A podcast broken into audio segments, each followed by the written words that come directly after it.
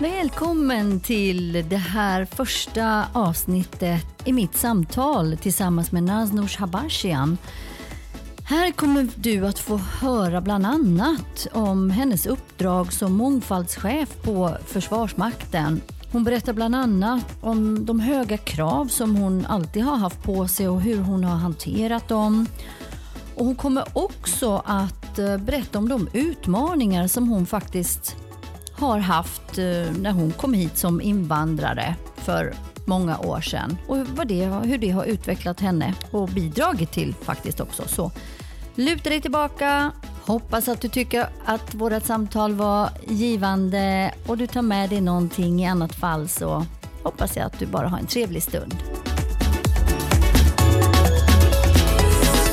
Välkommen hit Naznoush Habashian, hållbarhetschef på Försvarsmakten. Tack så mycket. Hur coolt är inte det att du är här på vårt kontor på Nexer och jag får podda med dig? Wow. Nej, men det är en ära att få vara här och också utvecklas genom att samtala med dig och lära sig väldigt mycket. Och också sprida budskapet. Så att det är ömsesidigt. Tack. Ja, tack så mycket.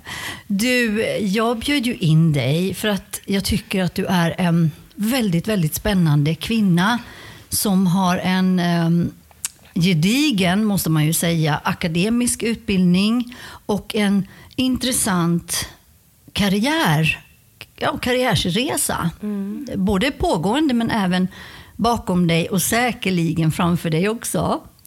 Så du är uppvuxen och eh, född i Teheran, eller hur? Det stämmer och eh, har bott där tills jag var 13 år. Flyttade till Sverige då när pappa började jobba här. Eh, och när jag var liten har jag också även bott en sväng i USA och en kortare tid i Frankrike, Paris.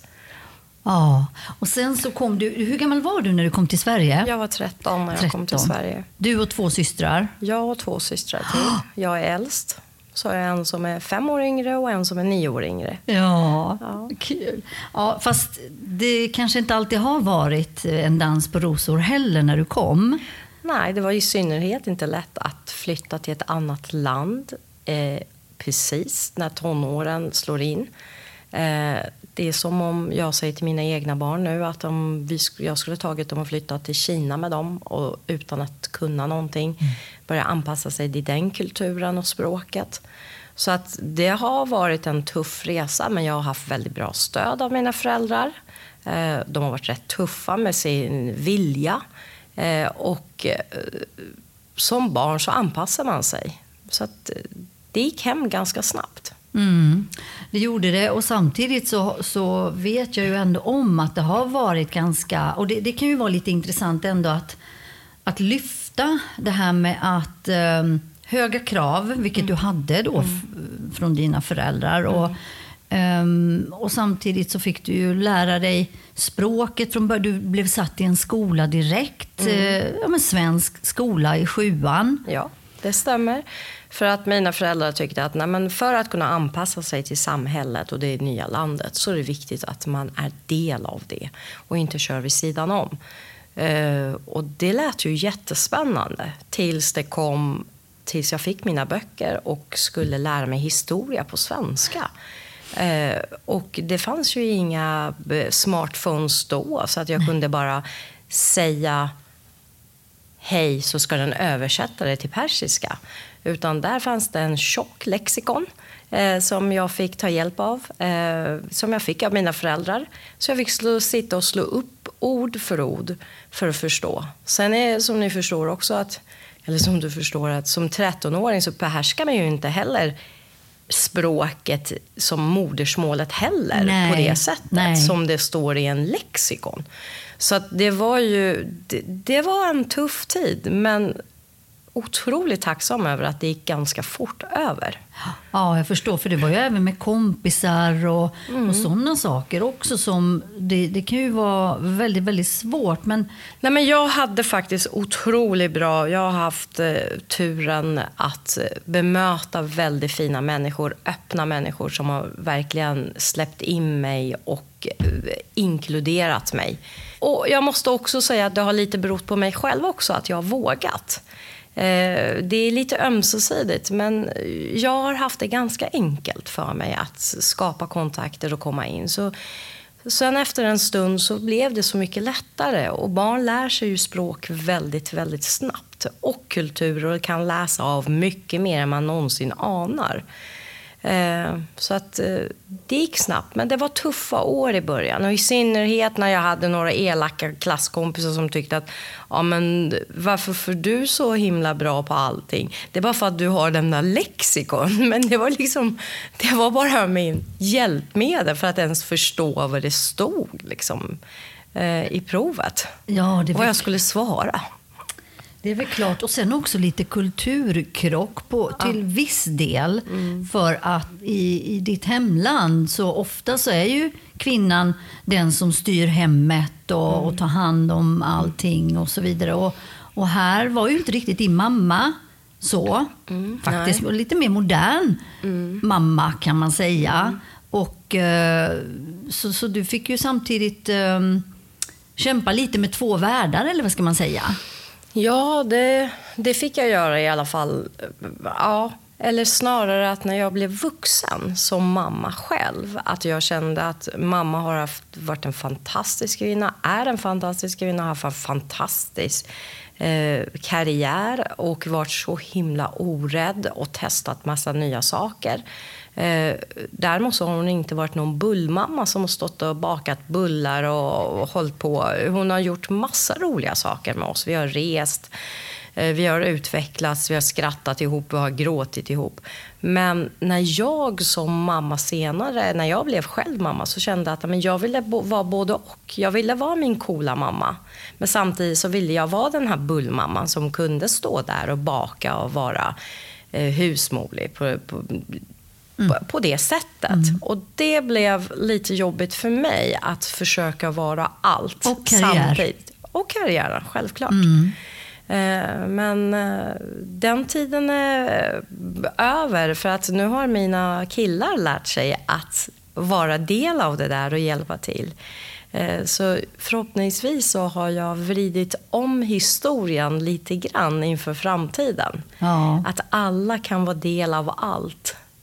Precis. Och du valde ju sedan, om vi går tillbaka lite, det här med att uh, det, det, det, jag tycker är lite intressant, det vi har pratat tidigare, att uh, det här med hög kravbild ifrån mm. till exempel föräldrar som både du och jag mm. faktiskt har haft mm. med oss. Det har jag haft mm. och, och det har ju påverkat mig på, på vissa sätt. Mm. Och tack gode gud så lär vi oss lite på äldre dagar att kanske hantera gentemot våra barn mm. och så. Men eh, jag tänker att vi ska bara gå in lite på beviset på att du är också en person som kan, du vill och du gör.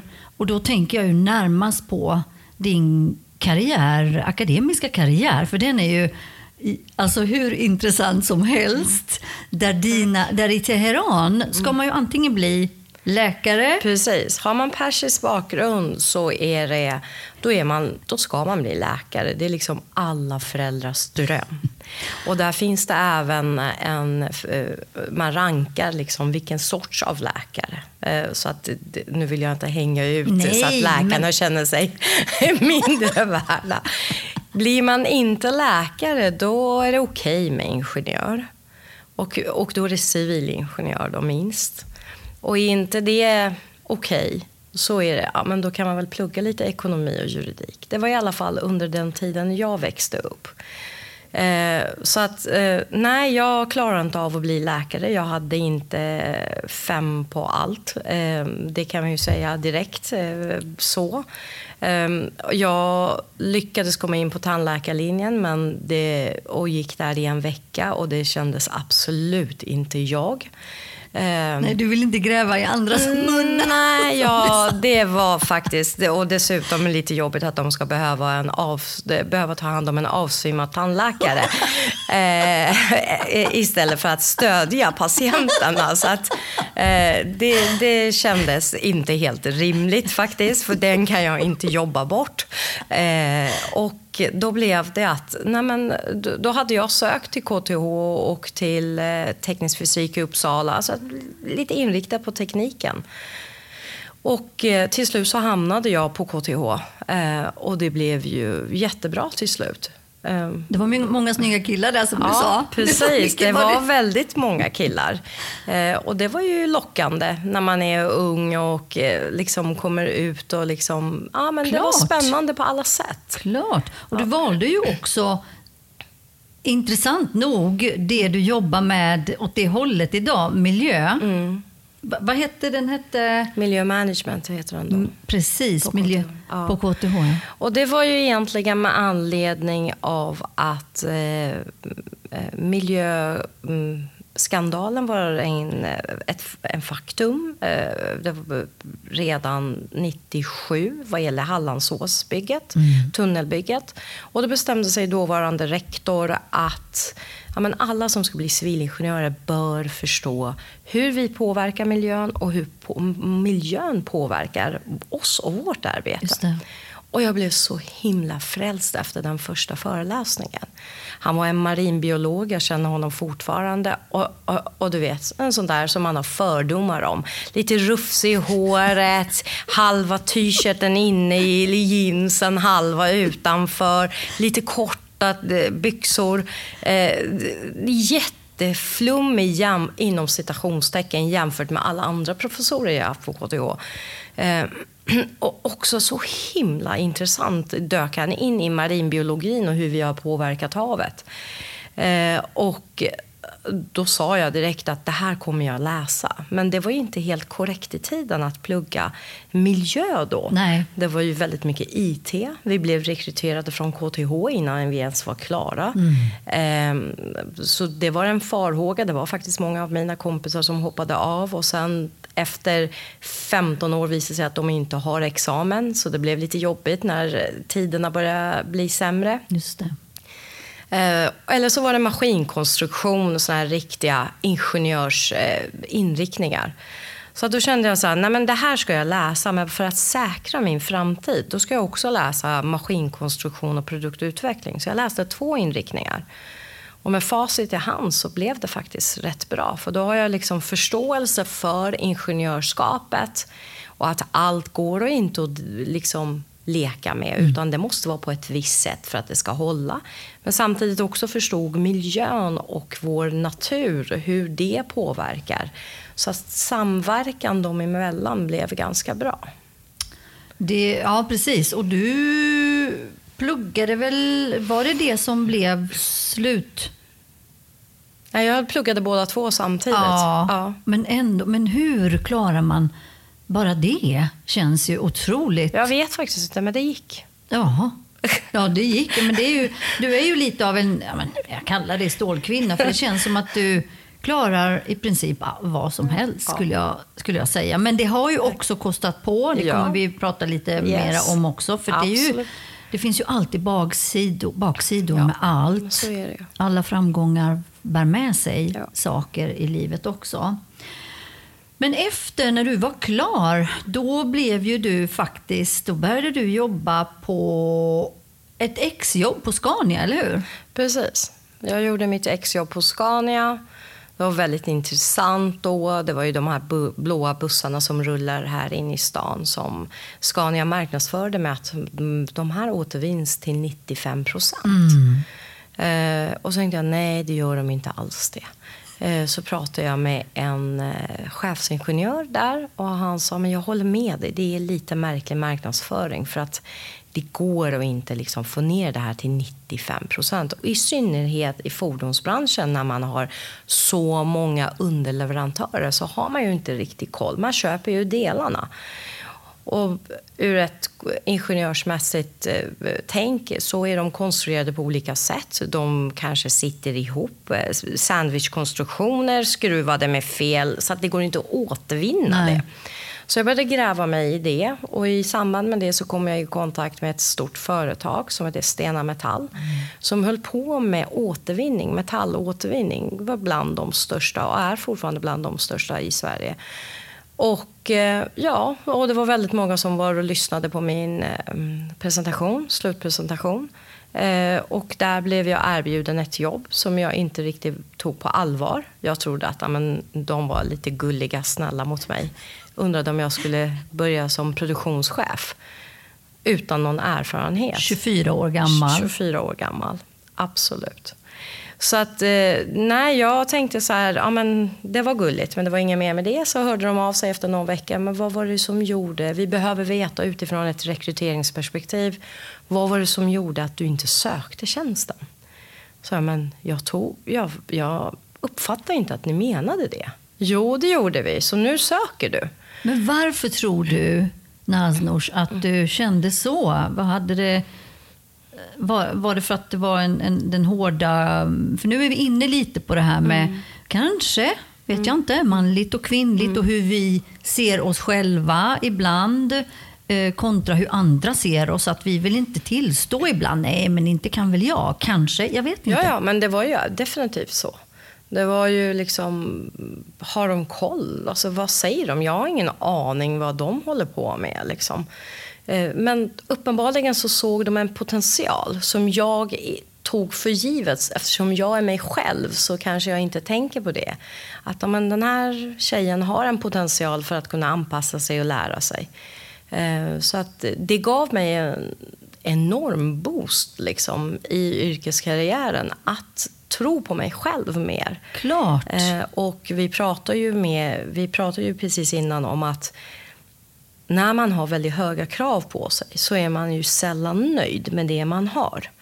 Eh, och det är ju en utmaning i längden. Men det har också varit en fantastisk styrka att ha eh, föräldrarna som berg bakom ryggen. Liksom. Vi stödjer dig, du klarar av allt, du kan bli vad som helst. Mm. Eh, verkligen vad som helst. Det är du som bestämmer. Mm. Eh, det är fantastiskt. Men det blir också så att man är aldrig nöjd med sig själv. Nej, nej. Eh, så det, var, det hade nog med att jag kunde inte ta till mig att eh, jag var så bra. Nej, och det är ju lite synd att vi ja. många gånger är såna. Ja. Men jag tror att man lär sig också, och med både framgångar men mm. också. Saker som går mindre bra. Mm mm. så lär vi oss också att parera. Mm. Och det stärker ju. Mm, så har absolut. jag i alla fall upplevt ja. att, att uh, hur jag hanterar mina nederlag, mm. det påverkar mig också framåt. Att, ja. Och förhoppningsvis stärker mig. Utmaningar ger ju en utveckling. Så utan utmaningar anser jag att vi inte utvecklas. Och det är jättetufft när man väl är i det. Det känns oerhört jobbigt. Men när man väl är igenom det, då är det så här, men gud, varför gjorde jag inte det här tidigare? Så är det. Men det är också en process. En mognadsprocess i varje situation. Att komma till den punkten och våga ta det steget och göra den förändringen och våga faktiskt ge sig in i den här okända utmaningen. Ja, för ja. att växa och komma ut på andra sidan. Ja, men visst är det så. Starkare. Och också även, man brukar säga liksom våga tro på sig själv. Men våga, det är inte ens... Alltså jag ser det knappt som våga, utan jag tänker så här, tro på dig själv. Mm. Det räcker så. Mm. Du behöver inte ens våga. Nej, för precis. att eh, enbart du vet ju egentligen mm. vem, vem du är och vad du kan. Mm. Men du har ju hela livet, tycker jag, eh, det, det, det, det verkar så att du har kört på, nummer ett, din egen linje. Mm. Eller hur? För även om, om det var att man skulle bli någon viss, eh, det var läkare. normerna, ja. läkare, mm. så, så valde du någonting annat utifrån mm. att du ändå ville följa ditt. Och det är också mm. viktigt ju. Mm. Men du, om vi går tillbaka nu bara eh, till Stena Metall. Du börjar i alla fall som produktionschefen där. Mm. Och det satte ju ändå en, en bana, och det var faktiskt en och en halv månad innan du tog examen Det som du fick bra det här jobbet. Så jag fick ta ledigt för att eh, skriva sista tentan.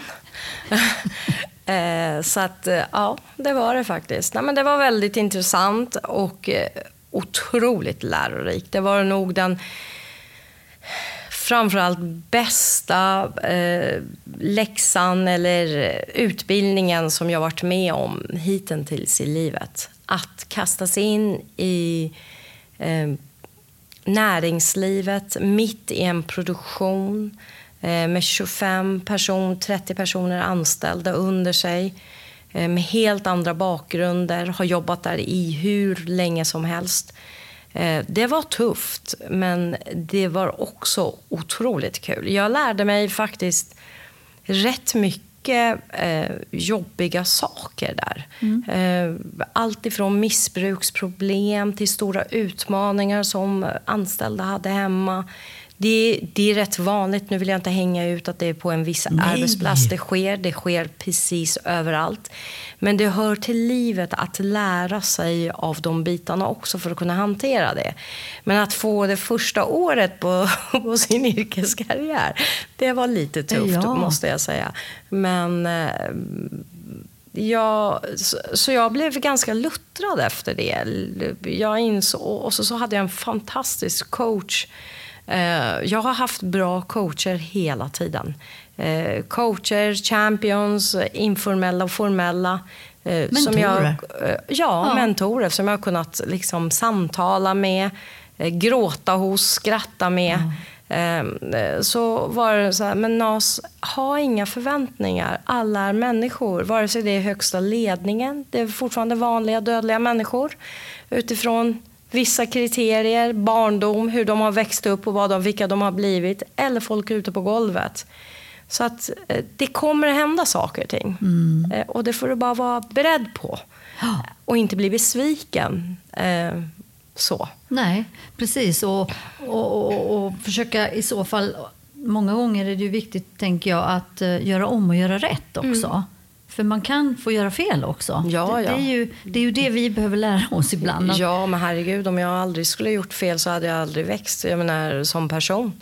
Jag, jag var ju så himla orädd och naiv och kör, vi gör, vi, all, vi, allt går. Men sen med livet så lär man sig när det blir motgångar att ja, men, om jag ska springa med ett gäng och det är någon längst bak som har nyckeln så spelar det ingen roll hur fort jag springer. För om inte jag får med hen med mig så, är det, så kommer jag kollapsa på vägen.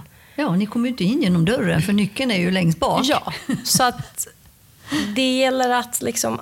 Och, och det har varit faktiskt en väldigt bra lärdom i och med nedgångar. Att, eller motgångar. Eh, att känna att nej men, jag måste få med mig de jag behöver få med mig för att få ge- genomföra saker och ting. Klart. Och också viktigt att jag behöver inte alls få med mig alla. Nej, det är också en sak. Att man tror att alla måste vara med, men, men då gäller det ju också att klara av att hantera just det. Det faktum Ja. att kanske inte alla är med på banan. Precis, och det är någonting som kommer mycket senare i livet i alla fall. För mig som har ungefär 20 år i arbetslivserfarenhet. Att det kommer nu senare årens, fem, sex åren. Så att, nej men vänta nu, jag behöver inte. Eh, Alla behöver inte verifiera det här, alla behöver inte vara med. Så att ehm, det gäller att spara energin åt eh, rätt saker. Just det, just och det. kapa av energitjuvarna. Mm, det är ju också sant. Mm. Och du verkar ju ha så otroligt mycket energi, för Mm. samtidigt som du jobbade så eh, blev du industridoktorand. Ja. Eller hur? Det var ju också en ganska typisk rolig men typisk NAS-beteende, skulle jag vilja påstå. Eh, vi var på väg till Tokyo, Eh, jag och min dåvarande eh, pojkvän. Och eh, då springer jag, då skulle jag på toaletten helt enkelt på planet, skulle jag gå till, på toaletten och sen så stå, går jag och ställer mig i kö. Och så, så knackar de mig i ryggen. Då är det min professor från KTH som också ska gå på toa på vägen till Tokyo. Vilket sammanträffande. Ja. Och så står vi där och pratar och så, så frågar han vad jag gör. Och så berättar jag och säger så här, men varför blir du inte industridoktorand? När du ändå gör allting. Och så springer jag tillbaks efter att jag har varit på toabesök. Springer jag tillbaks och säger till mitt ex, min dåvarande kille då, att Nej, men jag ska bli industridoktorand nu. Och jag bara såg eh, liksom, ja men okej, okay, kan jag få bara spela vidare här så kan du göra vad du vill. Lite så. Eh, nej men så det var ju väldigt intressant. Jag är, jag är öppen för nya idéer eh, och nya förslag. Och jag är, jag är inte så rädd för att testa. Jag måste säga att det blivit lite mesigare med tiden. Är det så? Men det kanske är också lite klokt att jag inte springer på vad som helst. Eh, så att ehm, jag testade det och det var jättekul. Men det var lite mission impossible att både ha liksom en heltidstjänst med personalansvar och även doktorera. Och så småningom så fick jag min eh, första son, Hugo. Mm. Och eh, då kände jag att nej men nu måste jag faktiskt eh, ta och fokusera på någonting. Ehm, just det, jag hade ju en inredningsbutik ja, under den tiden ja, också. Det hade du. Tillsammans med ditt eh, ja, dåvarande. Ex då. Ja. En inredningsbutik också, för du har väldigt stort intresse till inredning. Ja, jag är väldigt intresserad av det här estetiska, inredning, mm. blommor, växter, arkitektur. Men det känns ju verkligen, Nas, att det, det tar ju aldrig slut Nej. med dig. Det är ju som att det är nästan Duracell. Du vet, som, ja. som bara kör på. Ja. Och någonstans så, det måste ju ändå kosta på också. Ja, det är klart det gjorde det och det är klart det har gjort det. Men jag har ju haft, jag vill ju testa så mycket. Jag har ju så många tankar. Så att vad gällde inredningsbutiken och inredningsverksamheten så var det faktiskt rätt framgångsrikt.